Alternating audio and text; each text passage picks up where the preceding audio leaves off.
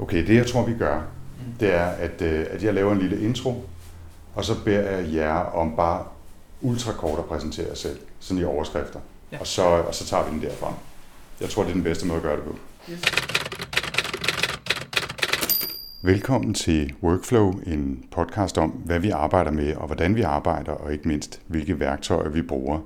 Og arbejde kan jo også nogle gange handle om, øh, om fritidsarbejde, hvis man kan kalde det det. Jeg hedder i hvert fald Anders Høgh Nissen, og det her er som sagt Workflow. I de foregående episoder af Workflow, der har jeg været ganske vidt omkring sådan øh, emnemæssigt, og så har jeg også været enormt heldig at komme ud og besøge nogle ret specielle steder og arbejdspladser. Men i dag, eller i aften, er det faktisk, øh, der er det ret specielt. Hvis jeg ikke øh, vidste, at jeg befandt mig på Amager, så kunne jeg godt forledes til at tro, at jeg befandt mig adskillige tusind kilometer østover øh, i Japan og var blevet teleporteret derover i et, øh, i et lille øh, tehus, og det vender vi tilbage til lige om lidt. Først til mine to gæster, som jeg altså er på besøg hos, så måske det er mig, der er gæsten i denne her podcast, det vender vi tilbage til. Men, øh, men velkommen øh, til jer, Mikkel og Per, og tak fordi jeg måtte komme. Ja, tak og velkommen, og tak fordi du kom. Mange tak. Kan I lige kort, før vi sådan kaster os ud i at snakke om det, vi nu skal snakke om, og opleve det, vi nu skal opleve, fortælle bare en lille smule om jer selv sådan i, i overskrifter. Og Per, vi kan jo begynde med dig.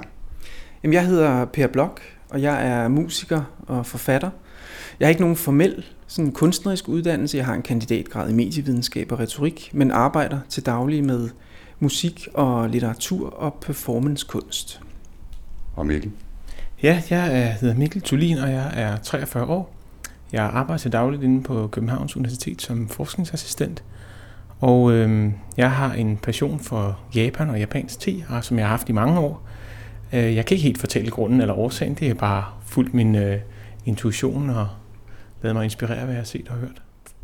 Og det er jo faktisk også, øh, Mikkel, dig vi er på besøg hos sådan øh, rent formelt i dag, og du har jo øh, netop klædt dig på øh, til anledning. Kan du ikke lige fortælle, hvad det, hvad det er, du har på? Jeg har en øh, japansk øh, kimono på, og øh, jeg har også til min kimono hakama på, som er en form for japanske bukser, som øh, japanske samuraier havde på. Øh, og det gør jeg altid, fordi at, øh, jeg også gerne vil prøve at forbinde teen med noget mandligt eller noget maskulint, og ikke kun med kvinder og blomster og at det der ikke er noget galt i, men, men, men jeg synes også, at, at andre mennesker skal vide, at, at teen egentlig stammer fra noget, mænd gjorde sammen. Lidt ligesom, at øh, mænd i Vesten har et billiardværelse, hvor de sidder og drikker whisky eller ryger cigar. Så var det også et sted, et samlingspunkt i Japan, hvor mændene mødtes. Og øh, vi skal jo netop øh, drikke te, og det skal vi gøre i nogle helt særlige omgivelser. Senere, øh, Per, så skal vi to især snakke musik og og bøger og, og nogle af de andre ting, du arbejder med. Men, men lige først her, Mikkel, så er det jo, så er det jo dig, der, der styrer slagets gang. Øhm, og nu sagde jeg jo, at øh, det næsten føltes som at være teleporteret til et japansk øh, tehus. Kan du ikke lige bare kort beskrive omgivelserne? Nu beskrev du, hvad du havde på. Hvad, hvad, hvor er vi henne? Vi er på Amager i en øh, kolonihaveforening, der hedder HF Strandlyst. Og øh, der har jeg bygget et lille hus for nogle år siden, øh, som er kvadratisk med et øh, pyramidetag, spidstag, og inde i det hus, der har jeg lagt nogle tatami-måtter på, på en tredjedel af gulvet og bygget et japansk terum i en niende del af husets areal. Øh, det er det rum, vi skal ind i om lidt. Ja. Men øh, som jeg sagde før, så er det jo faktisk mig, der er på besøg. Lige så meget som det er jer, der er på besøg i podcasten i den her omgang. Så øh, i hvert fald lige det næste stykke tid, når det handler om at øh, lave og smage te, så lægger jeg min, øh, min aften fuldstændig i jeres hænder. Øh, det er jer, der styrer den næste stykke tid. Jeg forstået, at jeg skal ind i rummet på en bestemt måde, og så videre. Øh, hvad skal vi gøre? Hvor skal vi hen? Vi skal udenfor. Okay, lad os gøre det.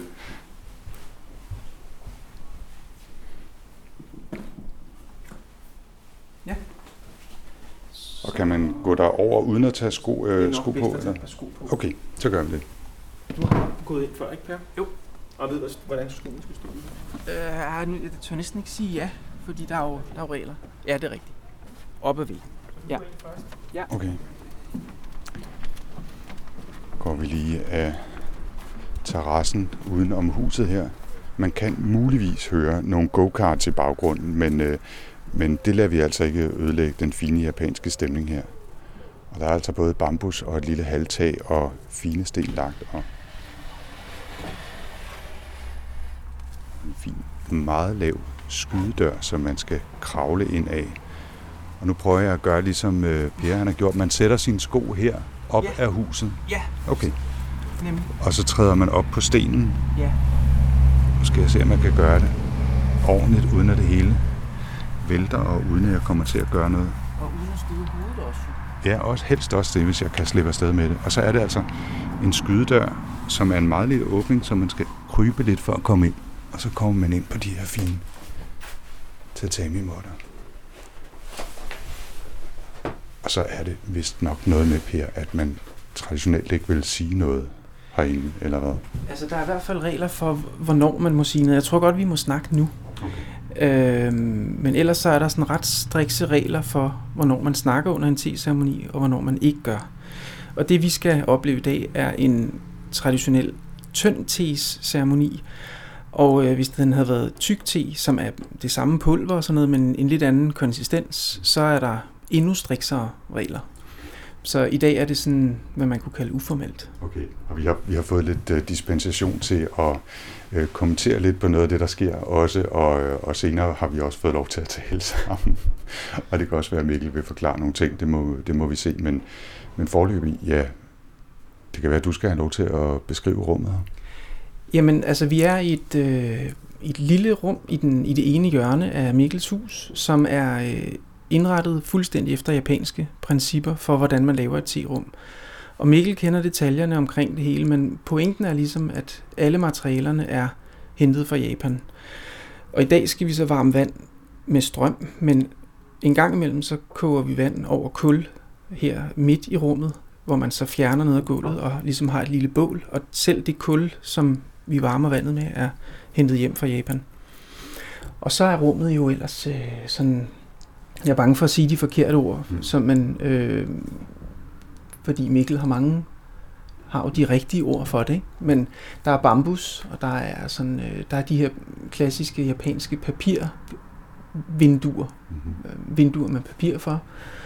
Og øh, vi har en blomst hængende, som Mikkel og jeg har været ude i haven og samlet. Der, der skal være en blomst i terum, og den skal ligesom være lavet til lejligheden. Ja. Og så har vi den her skriftrulle. Jeg ved ikke, hvad der står, men jeg ved, at den er valgt til i dag. Og at Mikkel ved, hvad der står på den. Ja. Og vi har noget røgelse, og øh, herude til venstre for os, der er Mikkel ved at gøre klar i øh, forværelset, som også har et japansk ord, jeg kan huske. Men øh, med al gradet og teen og så videre.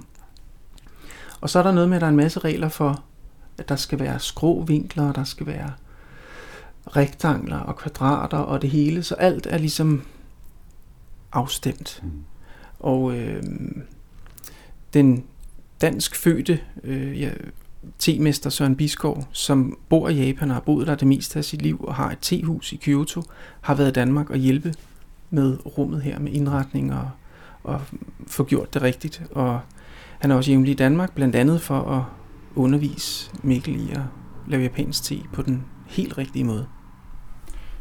Mens vi lige sidder og, nå, nu, nu siger jeg stille, fordi nu sker, nu sker der noget, så kan vi altid vende tilbage til, nå, jeg, jeg får lidt dispensation, men jeg er jo meget nysgerrig på, hvad der sker, så, så derfor så tror jeg faktisk lige, at jeg vil, vil være lidt stille et øjeblik, mens jeg lige øh, observerer.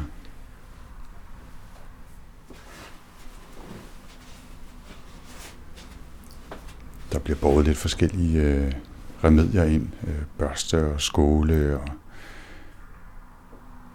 forskellige beholdere og ting, jeg øh, glæder mig meget til at se, øh, se hele, hele ritualet her. Der bliver sat et lille fad her med en, en lille sød ting også. Kunne jeg forstå? En lille kage-agtig Ja. ting. Ja. Ja, en japansk kage, som er lavet af stampet ris og en form for bønnemos indeni, tror jeg. Det varierer lidt. Mm. Det tror jeg er rigtigt. Og øh, man får altid en lille sød genstand til teen, sådan ligesom for at komplementere teens bitterhed.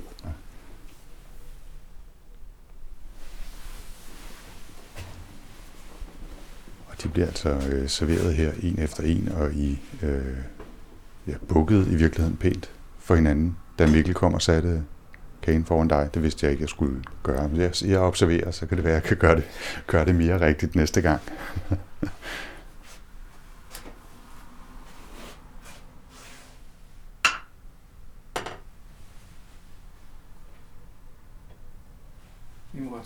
Mm. jeg blev bare helt, øh, jeg blev helt øh, grebet af at sidde og følge med, men men øh, i det omfang, øh, du, du kan, Per, så kan du måske øh, forklare en lille smule af, hvad, hvad det er, Mikkel gør nu, øh, mens han er ved at, at lave te. Jamen, Mikkel har øh, hentet øh, vand ind, en skål til at hælde vand over i. Han har hentet en matcha-skål, altså en, en te-skål, og han, lige nu er han ved at velsigne, kan vi vel godt sige, teen, som er i en lille bøtte. Øhm, han sidder sådan i øh, den japanske, hvad, hvad hedder det, op på, op på benene stilling, og øh, har en, en silkeklud. Jeg tror, det er silke, ikke? Det er silke.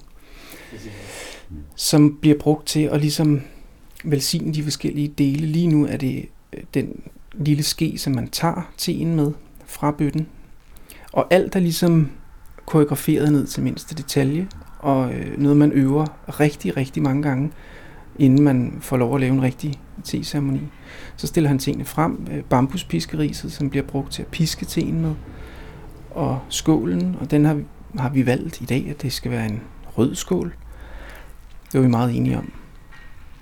Og øh, øsen, som man bruger til at tage vand op med, har også en rituel forberedelse. Og øh, og, og øsen er jo øh, en, en lille cylindrisk holder på en lang bambusstang, mm. er det vel i virkeligheden, altså som er hvad, 40 cm eller sådan noget, ikke? Som, som kan bruges til at øse vand op med. Ja. Og d- altså de fleste ting, øh, eller mange af tingene i den japanske te-ceremoni er lavet af bambus, og den her er så også lavet af et stykke bambus, ligesom det her, som mange har set, det her bambuspiskeris med de mange små fine hår, som skæres ud af et stykke bambus i hånden. Og øh, så hælder Mikkel lidt vand op i skålen, som bliver brugt til dels at gøre piskeriset vådt med, så teen ikke klistrer fast til piskeriset, men også til at varme skålen. Og det er så helt i virkeligheden øh, rense vandet ud.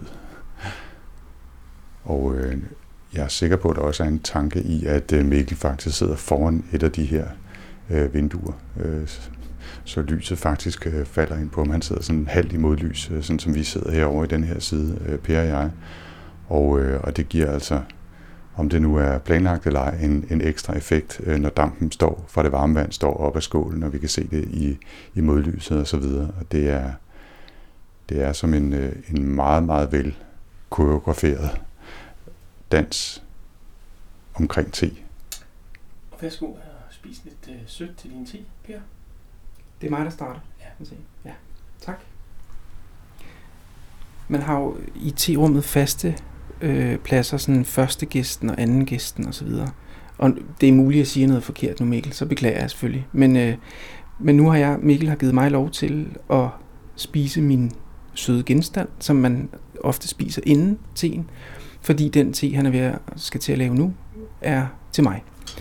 Så, øh, og han har så taget låget af tebøtten og taget en lille portion med den her bambus teske og lagt ned i skålen og øh, tager så noget vand og skal til at piske teen lige om lidt.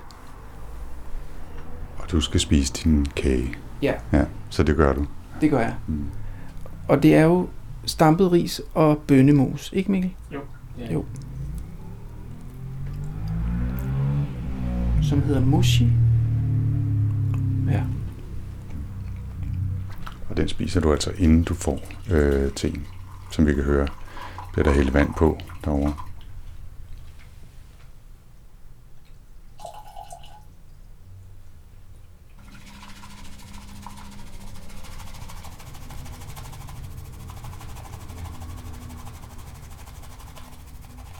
Kan måske være lidt svært at høre, men øh, der bliver pisket og er blevet pisket efter alle kunstens regler derovre. Nu står der så en fin rød skål med, øh, med grøn te, Som jeg selv henter. som, øh, som Per selv henter. Det, det kan også variere lidt, om man Okay. selv henter eller... Ja.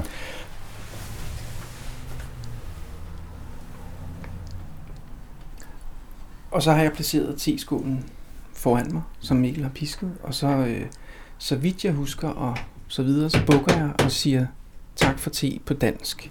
Jeg skulle nok gøre det på japansk, men det kan jeg ikke. Så jeg bukker og siger tak for te. Og der er endnu en af de ting, jeg altid er i tvivl om med at... Der er jo selvfølgelig regler for, hvordan man tager skålen op og placerer den i venstre hånd og drejer den mod uret. Man hilser først, jo. Takker. Takker. Og så drejer man den mod uret. Med ud. Med uret. To gange. Ja.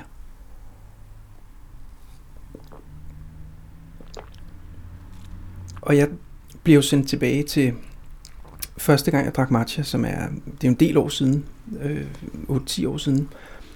Og der kunne jeg faktisk ikke lide det, men det ret hurtigt voksede det, og den verden åbnede sig.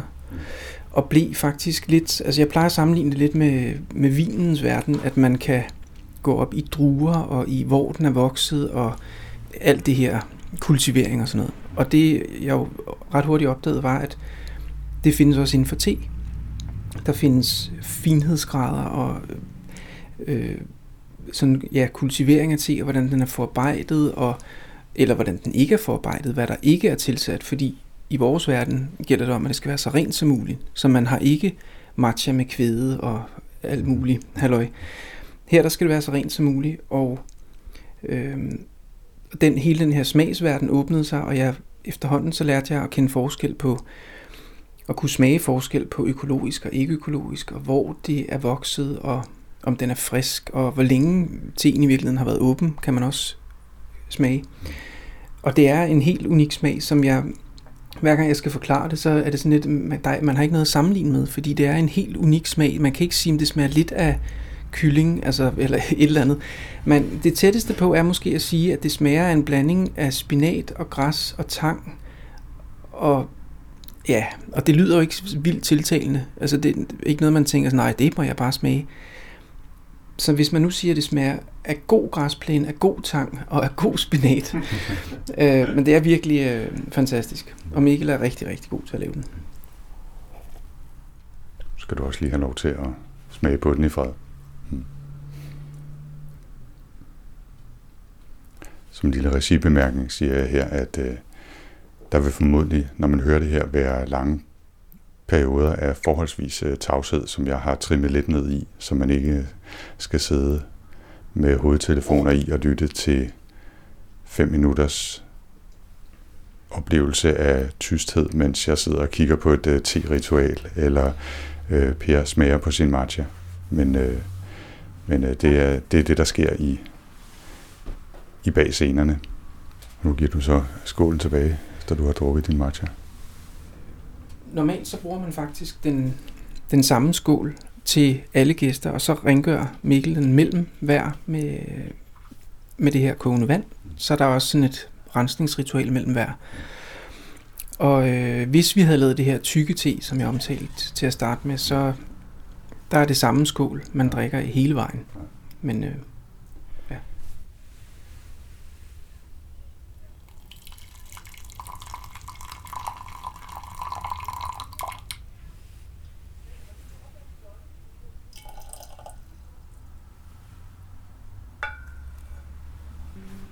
Skal jeg holde Og den der? Nu, nu glemte jeg, at øh, jeg skulle øh, måske tage en bid af min kage.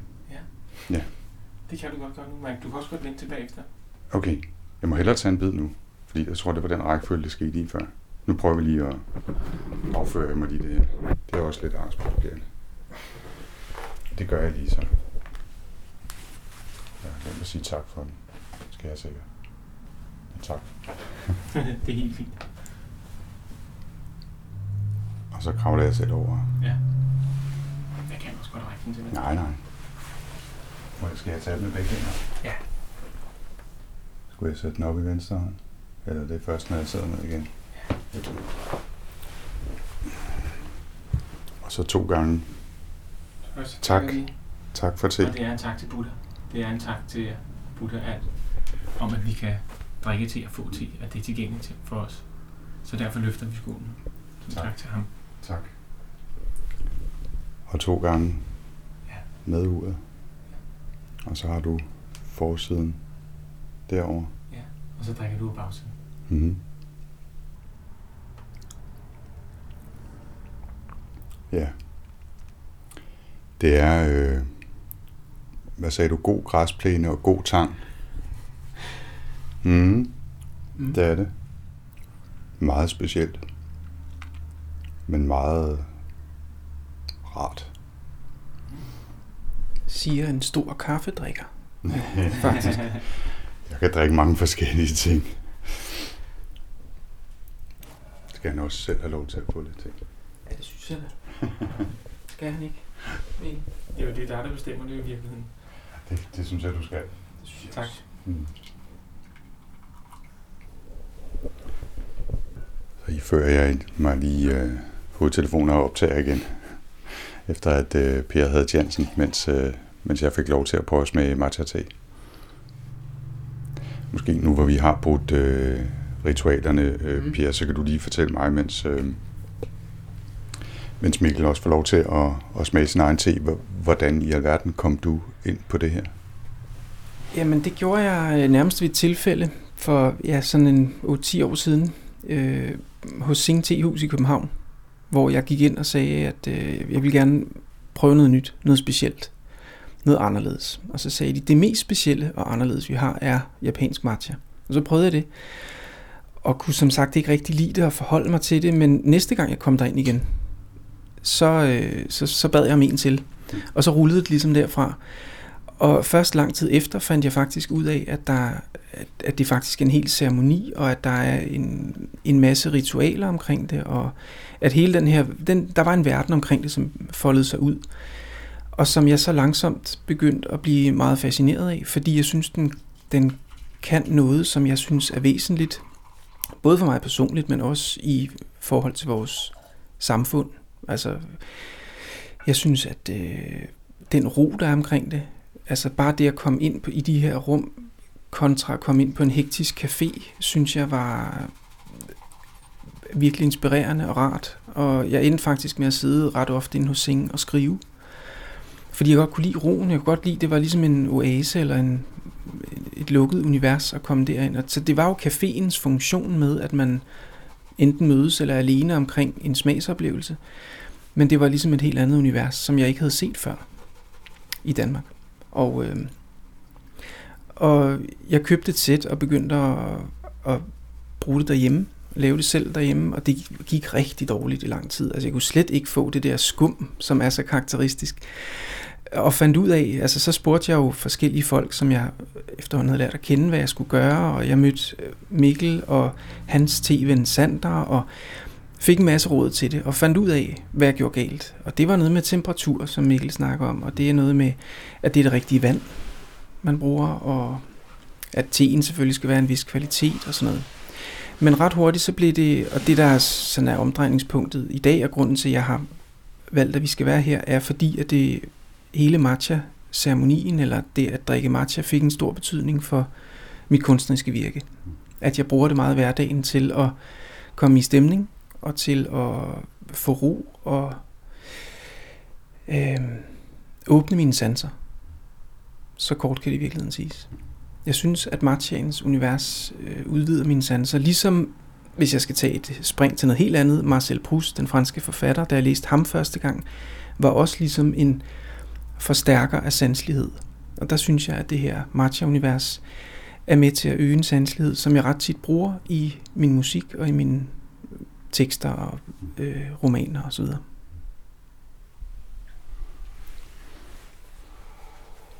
Der er også noget dejligt over ritualer. Altså udover at det kan være fantastisk, siger jeg, måske mere med, med en baggrund i whisky og kaffe, men altså det der med at dyrke nogle særlige smagsoplevelser og, nogle, og så nogle ritualer omkring at, at have de oplevelser. Mm. Øh, det, det har jeg også dyrket, bare ikke så meget med te. Det har mest været noget, jeg har pløjet ned øh, i, i supermarkeds øh, versioner, da jeg studerede. Mm. men, øh, men jeg kan sagtens forestille mig, at det her er noget, man kan blive grebet af. Øh, det, er en, det er en god smag og en god oplevelse, og det er en type af smag, som jeg sagtens skal forestille mig, at der er utrolig mange nuancer i og nuancer af, øh, som man kan udforske. Ligesom der for eksempel er i, god whisky, eller god kaffe, eller mm. god rom, eller god vin. Ja. Øhm, så er der mange muligheder i det. Øh, det. Det kan jeg sagtens allerede fornemme her.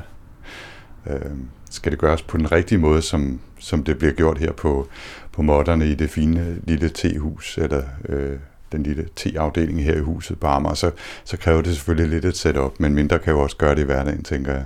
Øh, du har meget bekendt heller ikke, Per, sådan et, et, øh, et, et helt hus derhjemme. Slet ikke, og det er jo det, jeg synes også er fascinerende, at det kan skaleres og bruges på mange måder. Altså jeg har, øh, jeg har nærmest intet grej, og slet ikke i sammenligning med Mikkel. Øh, jeg har tre skåle og to piskeris, og jeg har sådan en lille papæske, så jeg kan tage det med rundt, hvis jeg har lyst til det. Øh, men nej, jeg har ingen tatami-modder, og jeg har ikke engang, altså jeg varmer det jo bare i en plastik elkedel derhjemme, så det er sådan, det er jo en helt anden øh, stemning omkring det. Og, men det er jo, i virkeligheden er det jo ligesom kaffen, altså den kan man også lave øh, næstkaffe, og du kan skalere det helt op til, at det bliver kunst, ikke? Og det er det samme med, med Martin, det kan være sådan rimelig nede på jorden i, derhjemme i lejligheden i Hvidovre, og så kan det rulles ud for fuld høvl her hos, øh, hos Mikkel. Mm. Men i virkeligheden er det, det, det, er jo også, det handler jo bare om passion. Altså om det så er spundet op på, at man laver te eller kaffe eller kitesurfing eller et eller andet, det er jo ikke så væsentligt. Bare man, eller jeg er bare glad for at have fundet noget, der, der rammer mig, og mm. som har en æstetik og en sanselighed, som, som jeg kan lide. Mm. Du har også øh, fået en kop nu, ja, Mikkel. det var dejligt. Det var godt. Og er der, er der så en måde, det bliver afsluttet på, det her, som, som skal gøres, eller et næste skridt i ritualet, eller? Ja, det kan vi jo gøre på flere måder. Altså, man kan også få mere te. Jeg kan godt drikke en til. Ja. Så laver vi bare mere te. Det behøver ikke at, at stoppe noget, at jeg laver te. Vi kan bare... Okay. Jamen, hvis, øh, hvis vi fortsætter snakken herover, så kan det være, at vi pludselig afbryder og kommenterer på processen igen, men, øh, men så tror jeg, at jeg fortsætter med Per herover, hvis, øh, hvis du øh, være sød og lave en, en kop mere til os? Jamen, det en skål mere til os, er det vel teknisk set? Ja. ja.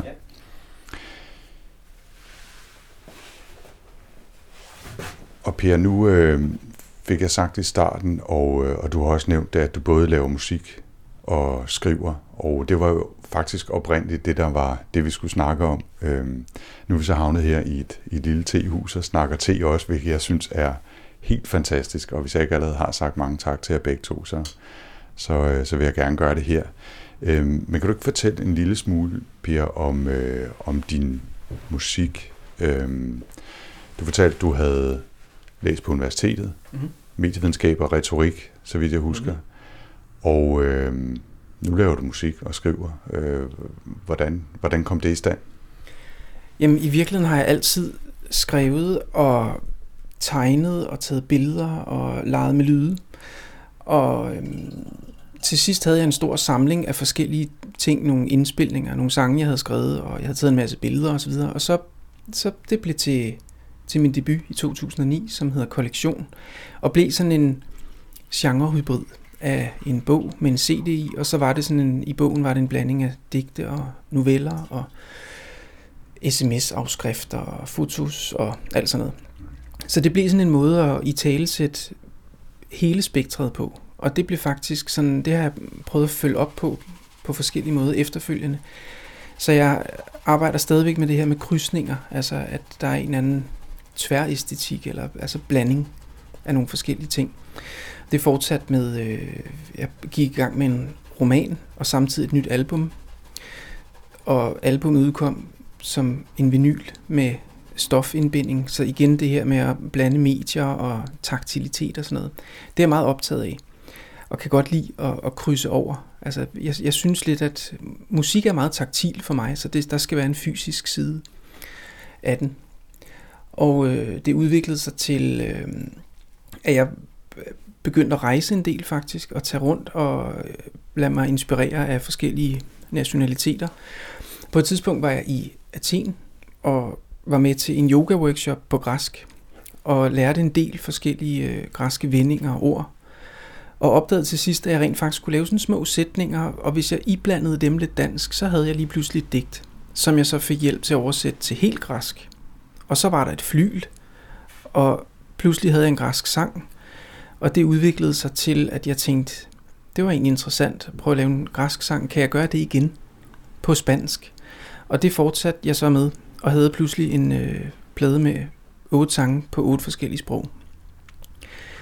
Ja, og alt det her hviler jo på forskellige sådan kreative greb og arbejdsprocesser og nysgerrigheder, som jeg prøver hele tiden at i talesætte i, i min kunst, eller hvad vi nu, det er lidt storslået at kalde det, men i hvert fald det, jeg, det, jeg producerer.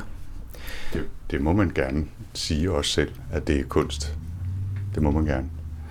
Øhm, pladen der, du lige fortæller om, øh, hvad hedder den? Den hedder Kokoro, og det gør den jo, øh, så, så man kan sige, at er omdrejningspunktet, fordi Kokoro betyder hjerte på japansk. Og jeg, fa- jeg fik faktisk ideen til den titel. Den havde en helt anden titel, den plade, en arbejdstitel, som var meget langt fra det. Og jeg kunne ikke finde på nogen rigtig titel. Men jeg så et øh, sådan skriftrulle med et japansk tegn for hjerte, og da jeg så hørte ordet Kokoro, så tænkte jeg, det er jo det, er jo det pladen skal hedde. Ikke mindst fordi, at det jeg producerer kommer fra hjertet. Det kommer ikke fra hovedet, fordi jeg har ikke lært det. Jeg kan ikke noder.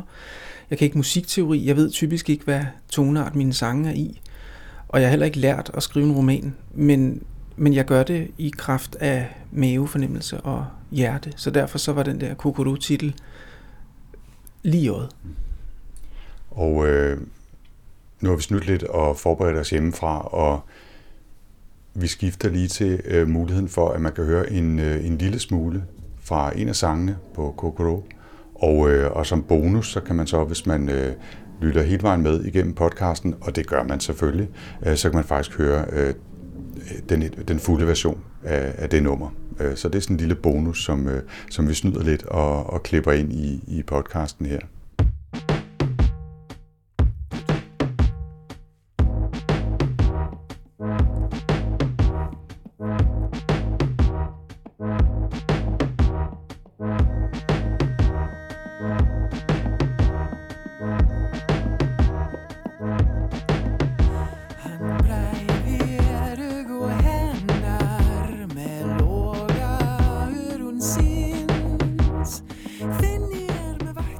Lad os, øh, fordi det jo er workflow, øh, kan du ikke fortælle lidt om, hvordan, altså lidt mere om, hvordan pladen er blevet til, og også øh, hvad for nogle værktøjer, fordi det er jo noget af det, vi, vi taler om her, hvad det er for nogle værktøjer, du har brugt, og nogle processer, øh, som har, har ført til Kokoro-albummet. Jo. Altså noget af det, jeg sådan er... Øh... Og du skal også huske at drikke din te for Søren. Ja. Tak for Lille pause. Lyt til musikken, og så, øh, så pauser vi med te. Det er seriøst god te. Altså det... Øh, og selvom jeg gør alt det her derhjemme, så bliver det ikke helt lige så godt. Jeg ved ikke, hvad forskellen er. Det er måske noget med rummet, der smitter af. Men det er i hvert fald øh, virkelig godt. Tak. Selv tak.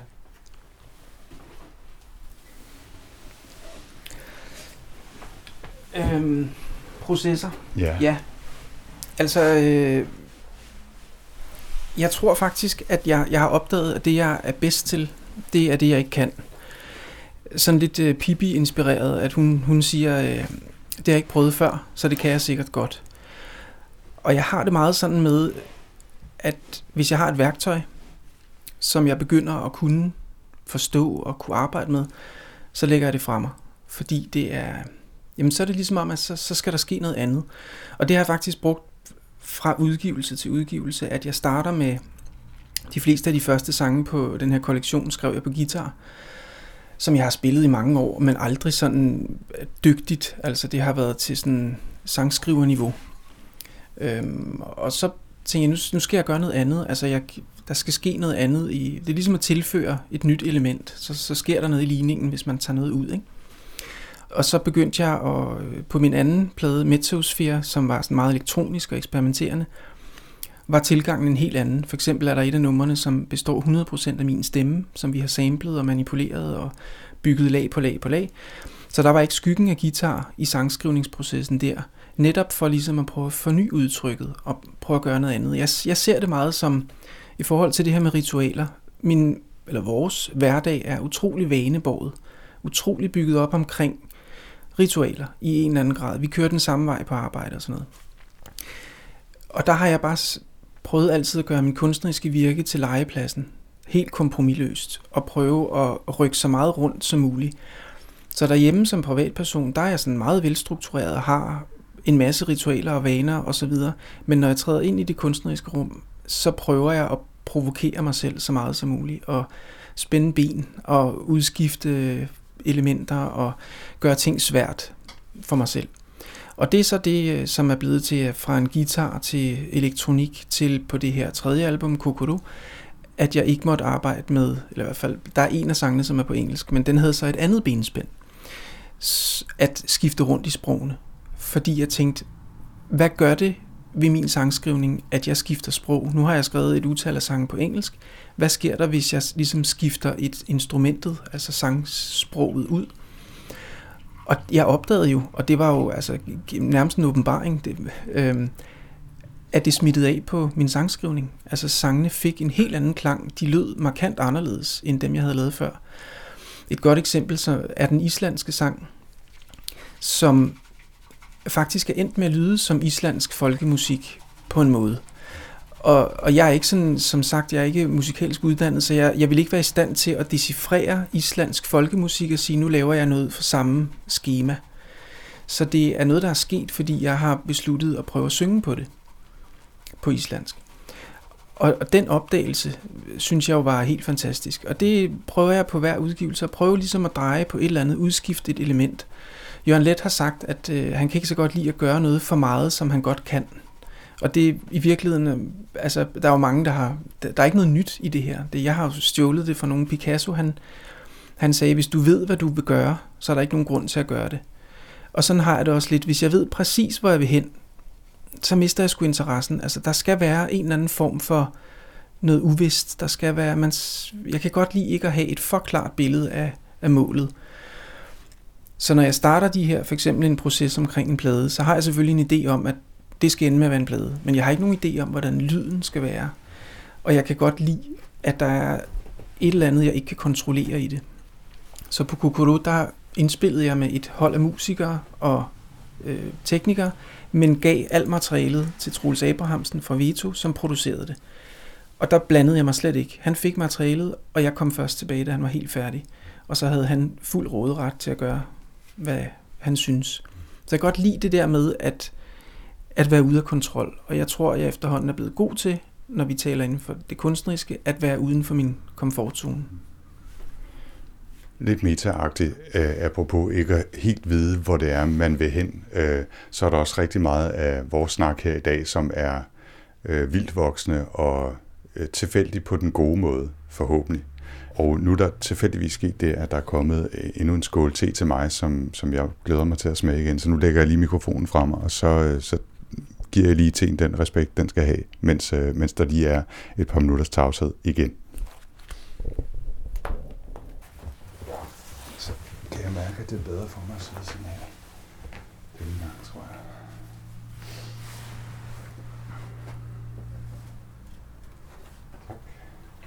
Du kan godt lide det? Ja, bestemt.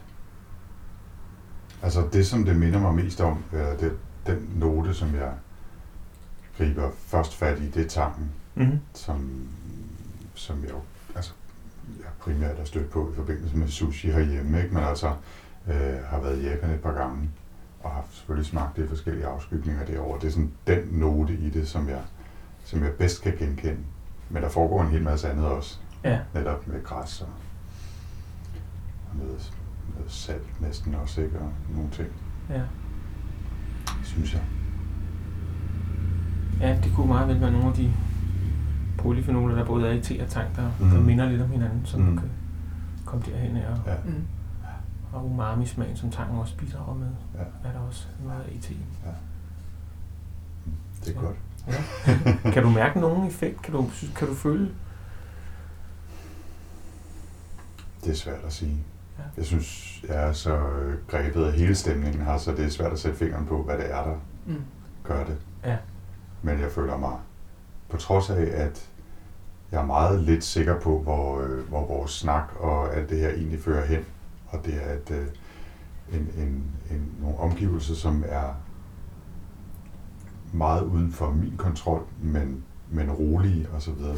Jeg, jeg føler mig meget stille på den gode måde. ja. Jeg kan også jeg kan mærke, at hele min stemmeføring er, er blevet langsommere og mere rolig. Ja. Jeg har næsten lyst til at viske i mikrofonen. øh, ikke, ikke så meget for ikke at forstyrre dig, eller selvom jeg selvfølgelig også gerne vil, vil vise den respekt for ritualet og stedet, som, som det kræver, men, men lige så meget fordi jeg kan mærke, at jeg sådan er faldet, faldet lidt ned. Ja. Og det er meget rart. Det kan være det ting. Jamen det og stedet og, er meget muligt. Det er og selskabet. Ja. Mm. Der er jo belæg for, at det har direkte virkning på, en beroligende virkning på centralnervesystemet. Okay. Det ved vi. Øh, det er der lavet flere undersøgelser på. Ja. Og det har også en masse andre virkninger. Der er nogle af dem, der ikke, ikke er helt belæg for, eller vi ikke helt ved, men øh, måske kan mærke, men som vi bare ikke ved, hvordan vi skal påvise, ja. er, er min overbevisning. Mm. Øh, men sådan er det med meget forskning. Der er mange ja. ting, vi, vi, vi har en fornemmelse af, men vi ved ikke, hvordan vi skal komme frem til at få det vist. Eller, ja. Ja, altså, ja. fordi tingene er så komplekse. Ikke? altså, præcis, det, ja. Øh, behøver jeg nok ikke fortælle dig eller jer, vel, men altså øh, biologiske systemer og øh, er jo bare virkelig, virkelig ekstremt komplekse. Ikke? Jo. Og det er svært at forestille sig, at man nogensinde sådan for alvor vil komme i dybden med alle de mange ting, der påvirker hinanden ja. i samspil. Ikke? Ja. Jo. Øh, derfor kan man selvfølgelig godt opnå en større viden om ja, ja. konkrete ting, som påvirker os på bestemte måder. Ikke? Men altså, ja. og må sige, at menneskekroppen er et stort biologisk øh, kom, kompleks ting. Ikke? Altså, Åh oh, ja.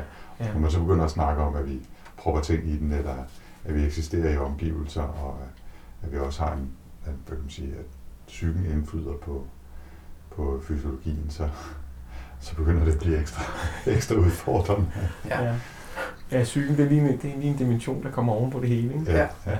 ja. Vi kan se nogle ting på, på celleniveau, men den, der har vi ikke lige psyken, psyken henover på Nej. samme måde. Og omvendt, altså, fordi bevidstheden, altså i, i hvert fald i min optik, er jo noget, som opstår ud af et biologisk systems kompleksitet, og ikke fordi der er et eller andet øh, altså, øh, overnaturligt. Ja.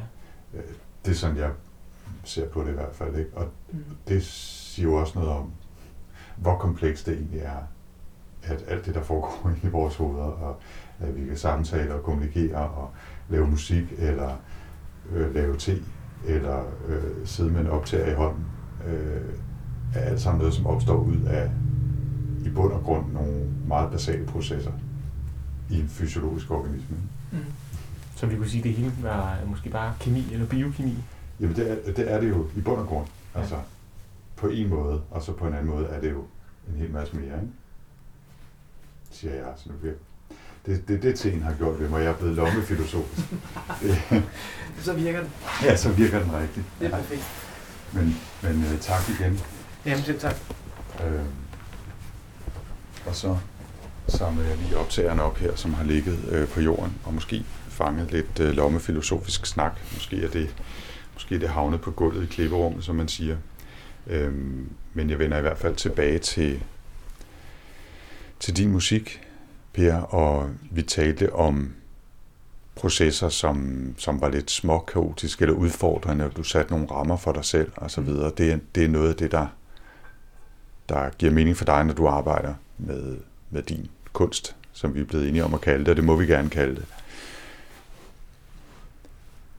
Bare som en lille parentes, øh, fordi det nu er workflow, og fordi jeg er en nørd på mit eget område og nysgerrig, bruger du nogle særlige værktøjer, altså instrumenter, du har talt om din guitar, men også software for at lave øh, den musik, du laver?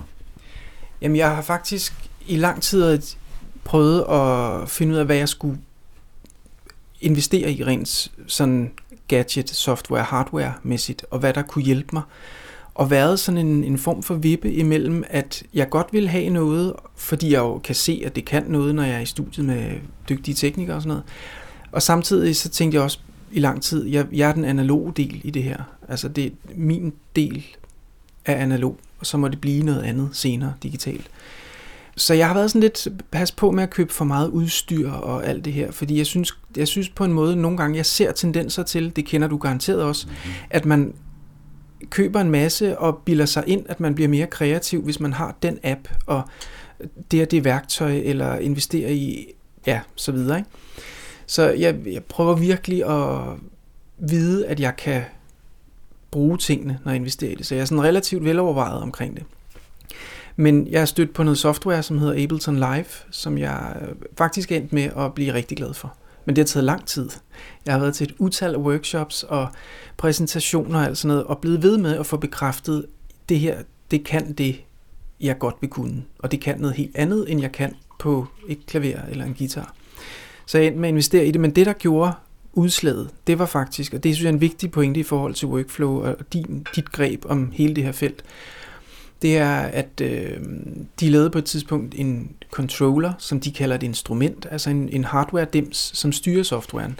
Og da jeg så den, og lærte den at kende, det var det, der gjorde, at jeg købte fordi jeg er meget imod skærm. Altså, at vi har... Jeg tænkte, hvis jeg, jeg er forfatter, så jeg sidder meget foran en skærm og skriver. Hvis jeg også skal sidde foran en skærm, når jeg skal skrive musik eller arbejde med musik, så bliver jeg idiot. Altså, og man sidder med sin smartphone også, og der er skærme hele tiden.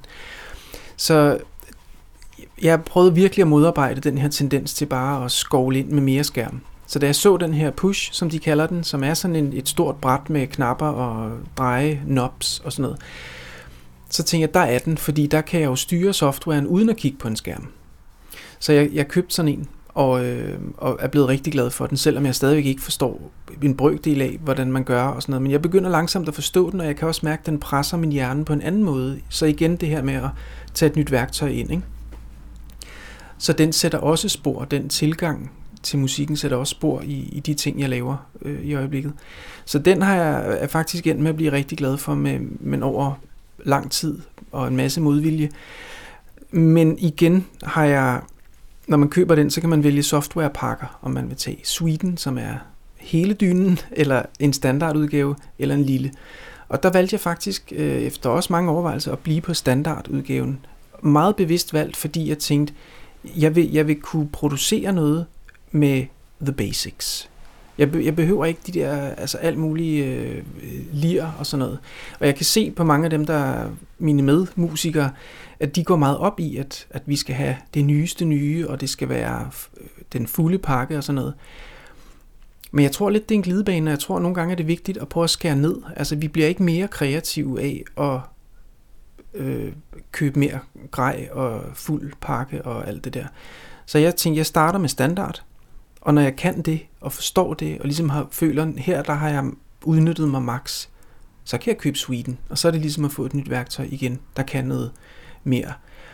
Men nogle gange er det sådan lidt, det, man, hvis man kun har en arm, så bliver man rigtig god til at bruge den. Ikke? Så jeg kan godt lide begrænsningernes kunst. Så derfor så er jeg modvillig i forhold til hele tiden at hente nye apps og sådan noget. Så øhm, ja. Jeg tror, der er meget rigtigt i det, du siger, og, øh, og hvis jeg skal pille i egen navle et øjeblik, så, så tror jeg, det er en af de ting, jeg slås med, at jeg på den ene side gerne vil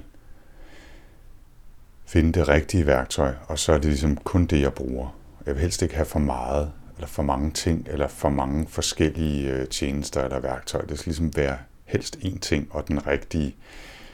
Jeg synes bare ikke helt, jeg har fundet det endnu, og det er måske det, øh, der, hvor jeg så går og leder efter alle mulige måder at gøre det på. Og så mm.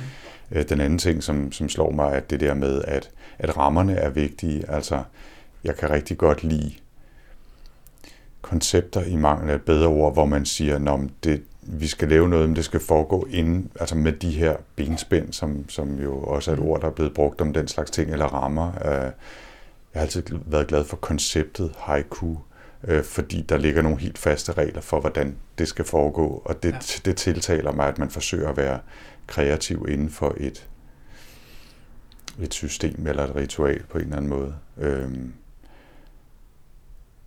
ja, og så skal man måske også leve med, at man aldrig finder det helt perfekte. Altså, man finder det, som er godt, godt nok måske, eller det rigtige på det tidspunkt i den kontekst.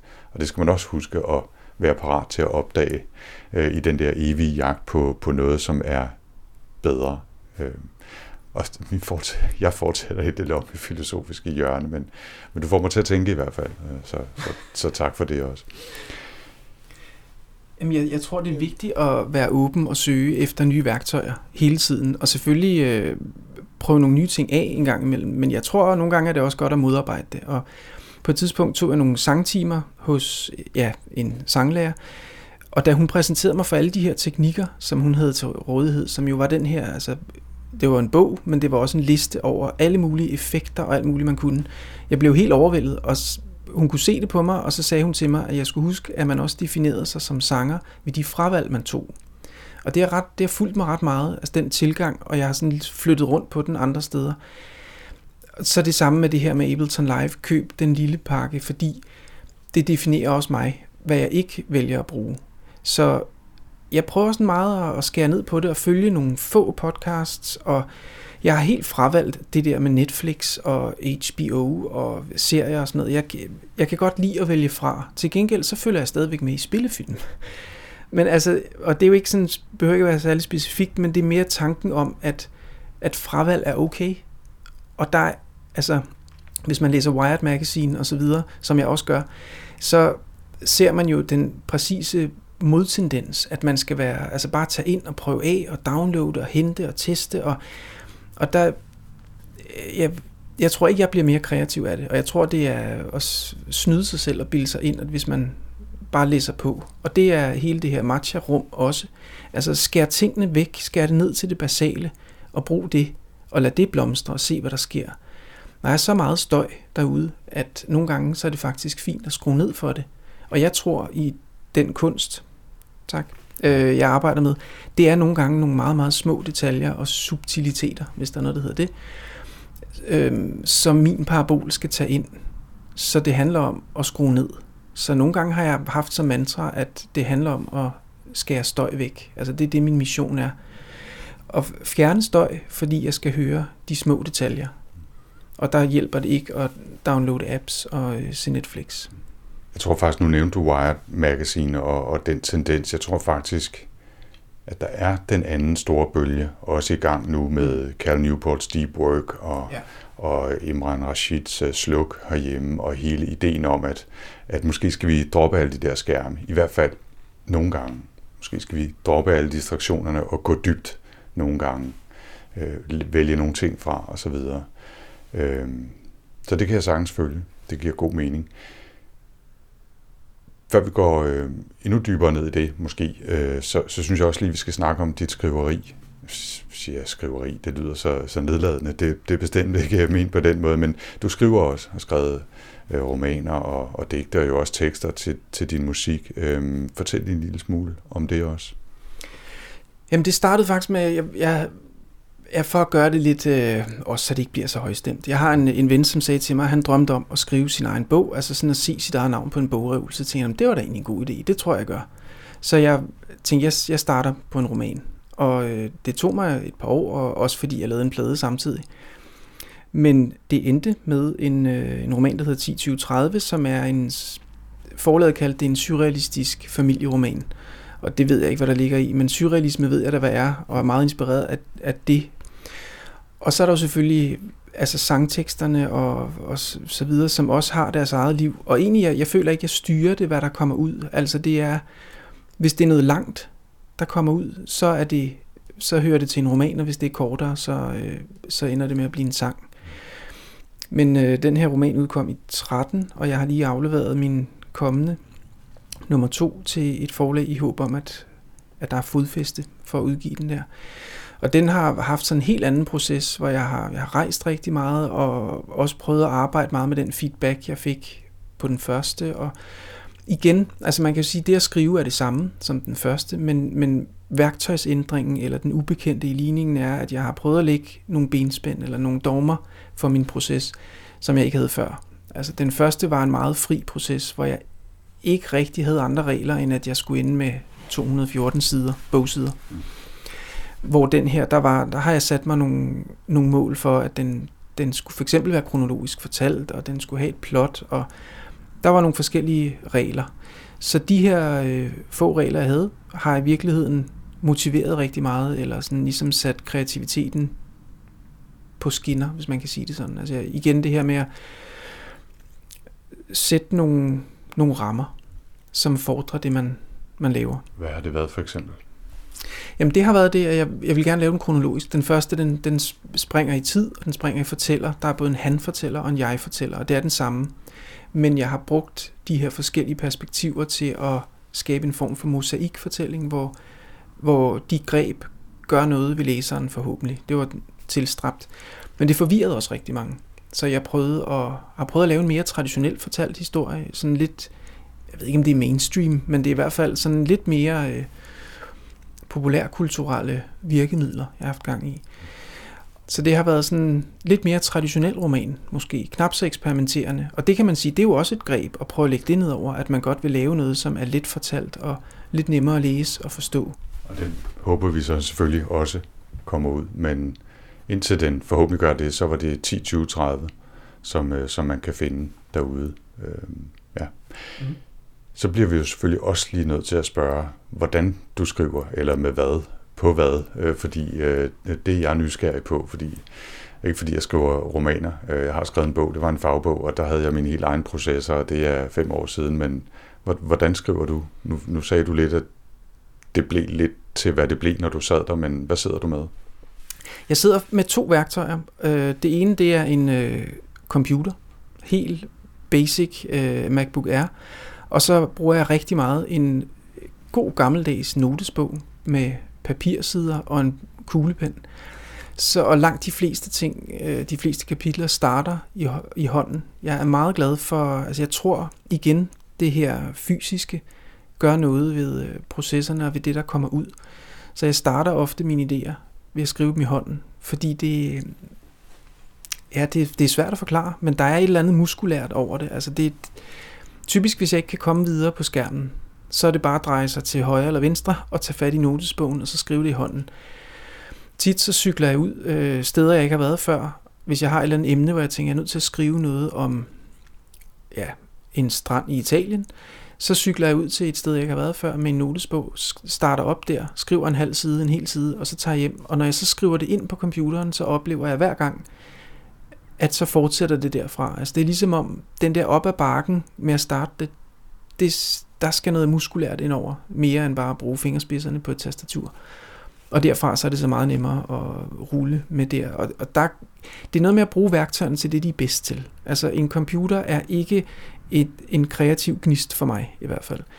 Men den er rigtig god til at redigere og til at forstå stoffet og til at ja, bearbejde det og, og strukturere det selvfølgelig. Altså i hele den her proces havde jeg, jeg tror jeg var oppe på at have en 10-12 dokumenter med sideløbende historier og idéer og fraklip og alt muligt, som jeg så langsomt på et skriveophold her for et par måneder siden i Jylland fik skåret ned til et dokument og samlet alle de her dokumenter til et dokument, som var romanen. Så det er noget med, igen det her med, at jeg bruger værktøjerne til det, de er gode til. der er computeren god med mapper, og man kan lave en struktur. Det er ret svært i et noteshæft. Ikke? Så det er de to hovedværktøjer. Og jeg skriver simpelthen i øh, Open Office, tror jeg det hedder. Altså sådan noget, ja. Og så har jeg også et program, der hedder øh, Om Writer, som er, øh, kender det? Mm. Ja. Som jeg har været ret glad for, og altså jeg synes, det er på en måde lidt fjollet. Det er jo sådan helt, øh, til dem der ikke kender det, er det et program, et skriveprogram, som ikke kan andet end at skrive. Altså alt er fjernet. Man kan ikke lave fodnoter, man kan ikke lave indholdsfortegnelse. Man kan skrive til gengæld med en flot baggrund og noget lyd og måske vælge nogle skrifttyper også og sådan noget. Men det er sådan ligesom et forsøg på at fjerne al støj igen. Det har jeg brugt nogle gange. Ikke så meget mere. Øh, men jeg har det og bruger det her til. Og så, øh, så er jeg ret glad for, blevet glad for streamingtjenester med musik og hoppe rundt i alle mulige playlister og høre musik og bruger meget, rigtig, rigtig meget musik, måske også fordi jeg er musiker, til at, at styre min skrivning. Så jeg, hvis jeg skal lave noget, der er, for at gøre det lidt banalt, romantisk, så vælger jeg en romantisk playliste. Eller hvis jeg skal lave noget, der er romantisk, så vælger jeg noget dødsmetal for at give det en eller anden form for note af noget andet. Så det her med ligesom at lave en, en ramme omkring det er, er ret fint.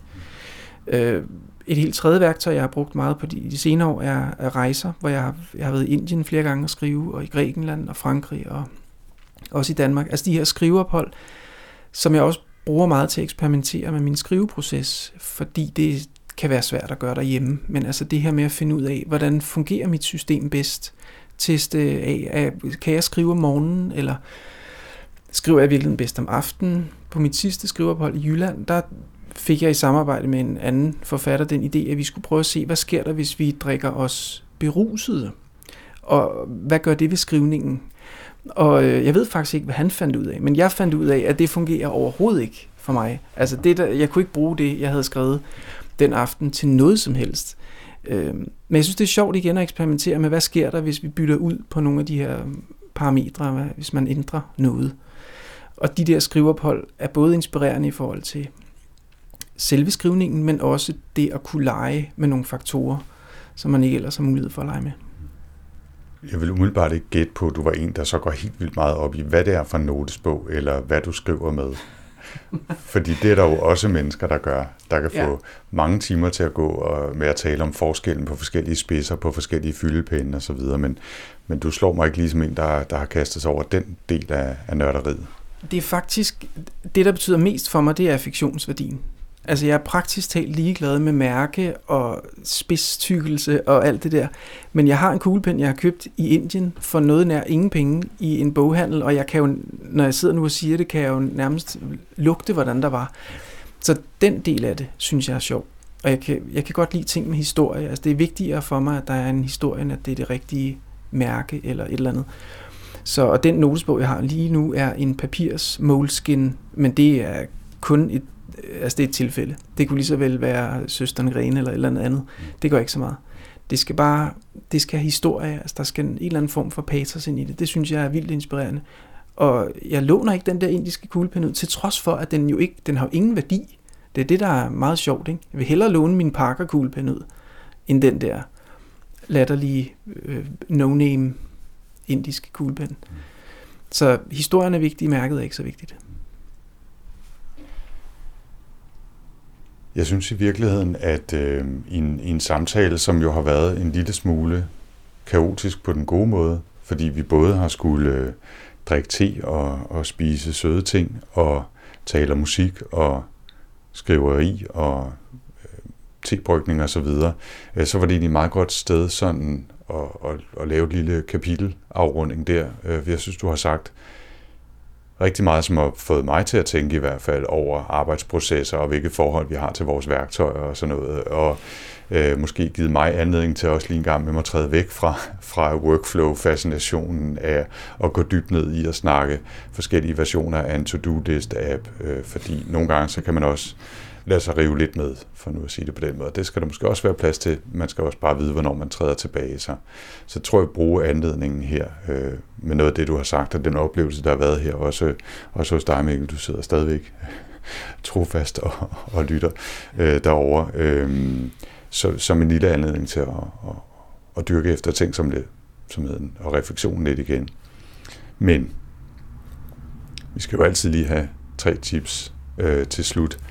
Og, øh, og du har også fundet til os, Per, tre tips, tre anbefalinger, som kan være hvad som helst. Og vil du ikke lægge ud med nummer et? Jo, det vil jeg. Altså, jeg har ligesom prøvet at opsummere alt det her, jeg øh, har snakket om, eller gerne ville snakke om. Og den første er øh, benspænd og begrænsninger, som jo også er noget, vi har snakket om. Men altså det her med, hvad end det er værktøjer, eller metoder, eller materialer, eller regler. Men det at lægge nogle regler ned over ens proces og prøve at skære nogle muligheder væk for at tvinge ind i nogle nye baner.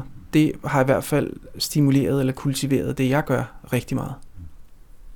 Det er et, øh, det er et rigtig godt tip. Øhm, nogle gange prøver jeg at relatere nogle af de her tips til, til noget i min egen verden, og jeg tror, øh, et af, et af benspændene for mig, meget meta øh, bag kulisserne i forhold til workflow, er, at jeg i videst mulig udstrækning faktisk prøver at lave det som, som et en optagelse. Mm. Øh, og så må jeg se trimme lidt ud, hvis det er gået fuldstændig i, i, i skoven. Øh, I dag kommer jeg nok til at gøre noget lidt andet, øh, paradoxalt nok, øh, fordi der, der er mange, øh, der skal klippes lidt musik ind jo. Vi, vi skal høre både øh, i løbet af, af, af snakken her og også til sidst, og så øh, har der måske også været nogle, nogle lidt, lidt for lange episode med stillhed til en traditionel podcast. Vi skal jo også helst have, at folk bliver ved til, til den bedre ende. Men, men det, er den, det er det benspænd, jeg har givet mig selv ellers normalt, at det helst skal være så live on tape mm. øh, som muligt. Så, men øh, det er ikke mig, det skal handle om. Øh, tip nummer to, Per. Tip nummer to er kontroltab. Altså det at sætte et eller andet ind i sin ligning, som man ikke er herre over. Øh, det kan jeg godt lide, fordi det igen tvinger mig ud i noget andet. Altså der sker noget andet end det, jeg har forudset, og at jeg, man skal tillade sig selv, at man ikke ved, hvor man ender henne. Og i forhold til det projekt, jeg lige nu er, er i gang med, som er et remix-album af det oprindelige Kokoro-album, der har jeg givet råmaterialet til nogle musikere og givet dem helt frie rammer. Så jeg aner jo ikke, hvordan det ender. Det kan være, det ender med at blive noget helt andet. Men det er det, der er meningen. Altså det skal netop ikke være det, jeg forventer. Jeg vil gerne ud et sted, hvor jeg ikke har været før. Så det her med at jeg vil opfordre folk til at prøve at lege med og sætte et element ind, som man ikke selv kan styre. Og det er i hvert fald sket for mig i dag, allerede på 33 måder, så det behøver vi ikke være meget mere i. Tip nummer tre. Tip nummer tre, det er kropslighed. Også sådan inspireret af, det her med, at man, vi er meget inde foran en skærm og i forhold til nogle vaner og sådan noget. Øh, jeg kan godt lide at prøve at få kroppen med på en eller anden måde. Og det er det matcha gør, at jeg, jeg, jeg skal ikke bare gå ud og koge vand og proppe et tebrev ned i en kop. Jeg skal, skal gøre noget. Der, der sker noget, noget andet kropsligt. Jeg skal piske, for eksempel. Og øh, yoga, som jeg også er rigtig glad for, at, som jeg også bruger kreativt og bryder min arbejdsdag op med og vender tilbage til arbejdet efter og sådan noget. Og det her med, at man prøver at skrive i hånden for eksempel, øh, uanset om man har en pæn håndskrift eller ej, så er jeg helt sikker på, at der sker noget andet. Så, så det med at integrere kropslighed eller muskularitet i øh, ens arbejde, i stedet for at sidde på en kontorstol hele dagen, det, øh, det virker for mig. Mm. Så rammer, kontroltab og kropslighed. Tre øh, gode sammenhængende, men også alternative tips i forhold til, hvad, hvad mange andre kommer med. Men det er jeg rigtig glad for øh, at få som, som input. Og med det, så tror jeg faktisk, at øh, jeg vil runde af for i dag. Øh, vi kunne sagtens snakke meget videre. Vi kunne sikkert også drikke meget mere te. Men jeg tror, det er et godt sted at, at slutte. Og øh, jeg vil gerne sige tusind tak øh, til jer begge to. Øh, Mikkel for at lægge, lægge tehus til. Øhm, tusind tak for det, og, og for at lave te, og, og tak til dig, Per. Hvor kan folk øh, finde dig, hvis de gerne vil høre mere af din musik, eller læse noget af det, du har skrevet? Jamen, øh, min hjemmeside hedder stimuli, s t i m u l idk Jeg er også på Facebook, Instagram, Vimeo i mit navn, Per Blok. Øh, det er primært der. Og selvfølgelig iTunes og Spotify, hvor min, alle mine albums og så videre, også det nye, kommer til at findes. Så det er altså på stimuli.dk et godt sted at starte, og så hedder du Per Blok, B-L-O-C-H. Ja. Man kan følge Workflow ved at øh, gå ind på Twitter og følge profilen podlab.dk, eller man kan gå ind på, på mit site podlab.dk, eller så kan man også bare følge mig. Det er måske det allernemmeste. Jeg hedder Anders, men stadig på Hackersmart, altså 4ND3RS. Øh, det er meget nemmere at forstå, når man ser det. Øh, men altså 4ND3RS, der står Anders, hvis man kniber øjnene sammen. Øh, der skriver jeg som regel lidt om, hvad jeg laver, når der kommer nye episoder af Workflow, og det gør der jo altså hver torsdag i et podcast feed nær dig. Og tilbage er der så bare egentlig at sige på genhør, og tak for denne gang og, øh, og så nyde et stykke musik mere fra, øh, fra Per Blok og albummet Kokoro.